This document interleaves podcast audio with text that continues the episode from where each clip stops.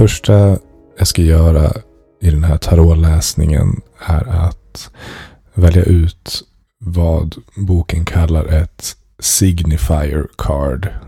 En signifier som i signaleras. Alltså ett kort som representerar mig. Det finns en tabell för det här. Som tur är. Annars hade det varit svårt att välja vilken, som, vilken jag ska vara eller är. Men när jag tittar på den här tabellen nu så har jag två frågor. Man får välja då man är en young man eller mature man. Om jag är en ung man eller en mogen man. Redan där blir ju tarotläsningen problematiskt. Är jag en ung man? Nej. Jag är ju 35. Jag kan inte säga att jag är en ung man. Det finns de som hänvisar till mig som du är ju ung. Men eh, nej, jag får nog ta mature. Jag är en gud, mature man. Eh, det handlar ju då om man ska välja hur ljus eller mörk man är. Det är inte så woke kanske. Eh, I en bok som i övrigt är väldigt modern. Eh, det finns då light complexion, moderate complexion och sen går vi till oliv och mörk. Light, jag antar att då ska vara blond kanske. Jag har ändå mörkt hår. Eh, så jag, jag tar nog att jag har en, jag är en mature man med moderate complexion. Då ska jag välja eh, kortet kung. Härligt. Det vill man gärna börja på. Och från sviten Cups. Som i kopparna. De som ger ut som så här pokaler. Som man har tvåhandsfattning om. Men steg ett då i tarotläsningen som vi gör i det här avsnittet blir att jag ska leta upp det här kortet. Ge mig en sekund bara. Jag har hittat kortet och eh, det, det betyder eh, tydligen då om jag tolkar boken så står det att en King of Cups är, är eh, omtänksam och diplomatisk.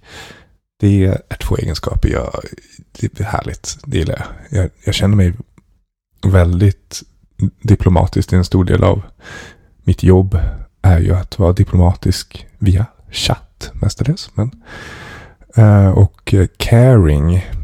Jag tänker att det både kan vara omtänksam men också jag, det är inte så många saker jag inte bryr mig om. Det känns som jag bryr mig mycket. Så bra, det, det här börjar bra, den här läsningen. Det jag ska göra nu är att blanda kortleken och sen dela upp den i fyra olika högar. Och de här fyra högarna har olika innebörd som vi återkommer till alldeles strax. Korten har blandats. Jag stoppade in King of Cups i kortleken och mixade runt lite. Och sen delade in den i de här fyra högarna. Då läser man från högarna från höger till vänster i det här fallet. För att det påminner om den judiska skriftstilen. Vad säger man? Hebreiska heter det väl. Eh, och den första högen är eh, för hälsa. Hög nummer två är för kärlek, relationer, familj. Den tredje är, eh, nu ska jag försöka komma ihåg, det är mycket memorera i det här. Den tredje högen är, ja, intellektuellt, socialt och politiskt. Och den sista fjärde högen är materiellt, typ finans, business, pengar. Jag hittade King of Cups i den hög nummer två, som ni förstås minns är kärlek, relationer och familj. Det är också spännande för jag har tänkt väldigt mycket på dating och sånt senaste veckan. Så eh, det passar ju väldigt bra. Jag har inte så många spörsmål kring min hälsa eller pengar. Tror jag. Och inte heller intellektuellt, socialt. Jag vet inte vad jag skulle ha. Så att, äh, men det, det fortsätter bra det här. Alltså bra som, ja, det, det känns rätt så här långt.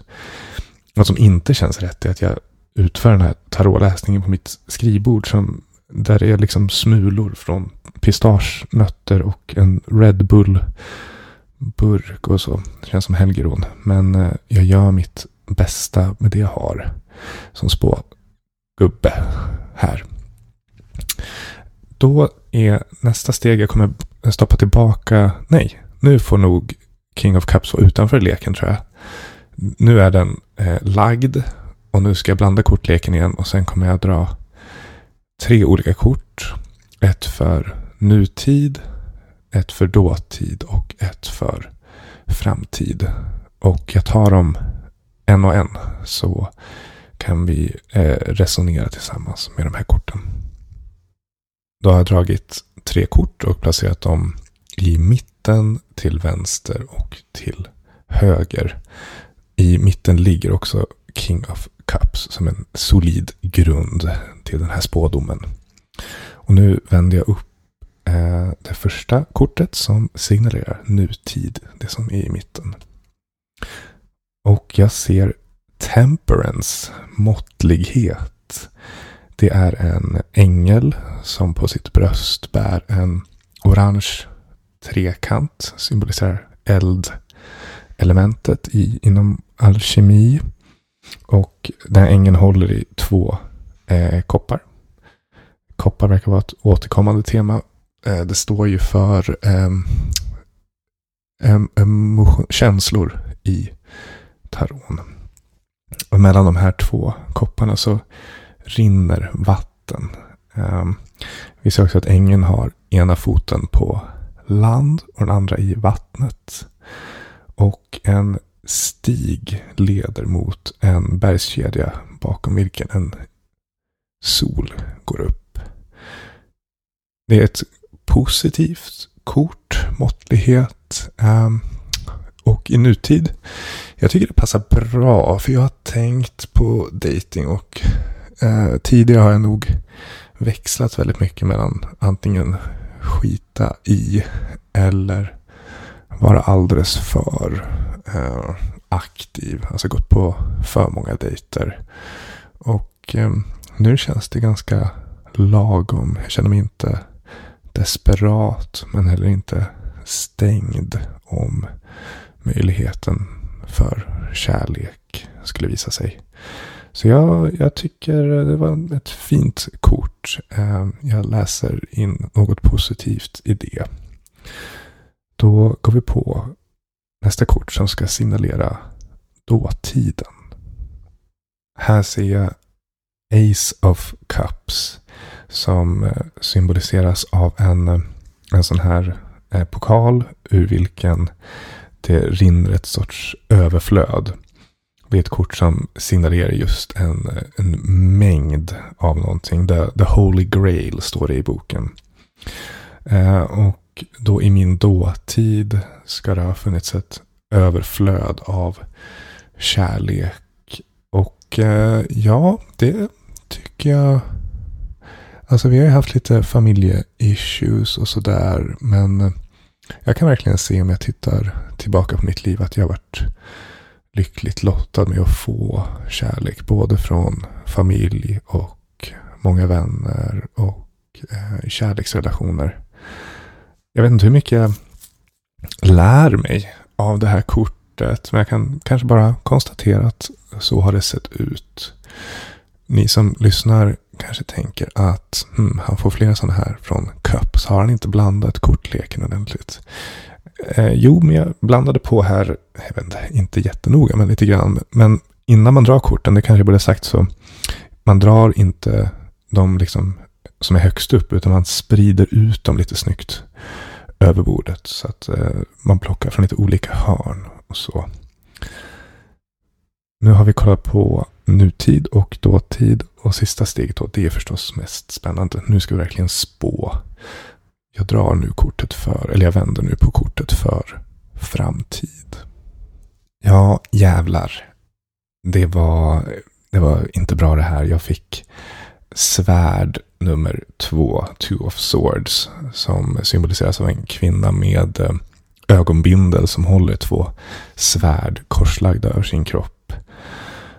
Hon, ehm, det här kortet signalerar att man står inför ett väldigt svårt beslut. Pest eller kolera. Men det finns detaljer i kortet som är intressanta. det, det, har den här boken varit eh, ganska rolig att läsa med. För att man, det finns ju en första tolkning och sen i varje kort så är det många små symboler.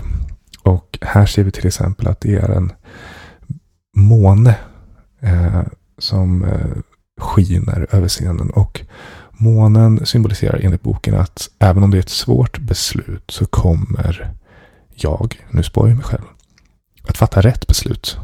Det är härligt. Så det kan vi se i min framtid när det kommer till kärlek. Att det kommer vara svåra beslut. Men jag kommer fatta rätt beslut.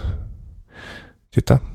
Nu har vi eh, gjort. Det här var min första eh, läsning. Jag har tillbringat senaste veckan med att läsa den här boken. Försökt memorera så mycket som möjligt. Och idag faktiskt, så sent som idag, så uppsökte jag den här. Det finns en jätteflummig butik här i Uppsala som säljer kristaller och sånt. Och de hade förstås tarotkortlekar, jättemånga.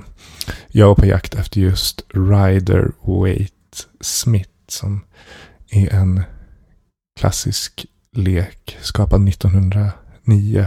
Och det måste ju vara rätt symboler då om, om min bok ska fungera. Mm. Boken då, den är jättetjock, 630 sidor tror jag. Och eh, hon är en modern person som kallar det här för Tarot Analytics. Det är, fan, det är vidrigt alltså. Det tar ju bort allt, allt mys och murr med tarot om man kallar det Tarot Analytics. Hon eh, är ganska klok däremot i sin... Eh, för, alltså, jag, eller jag, jag förstår det på samma sätt som hon. Att det är mer liksom ett lackmustest eller sån här bläck.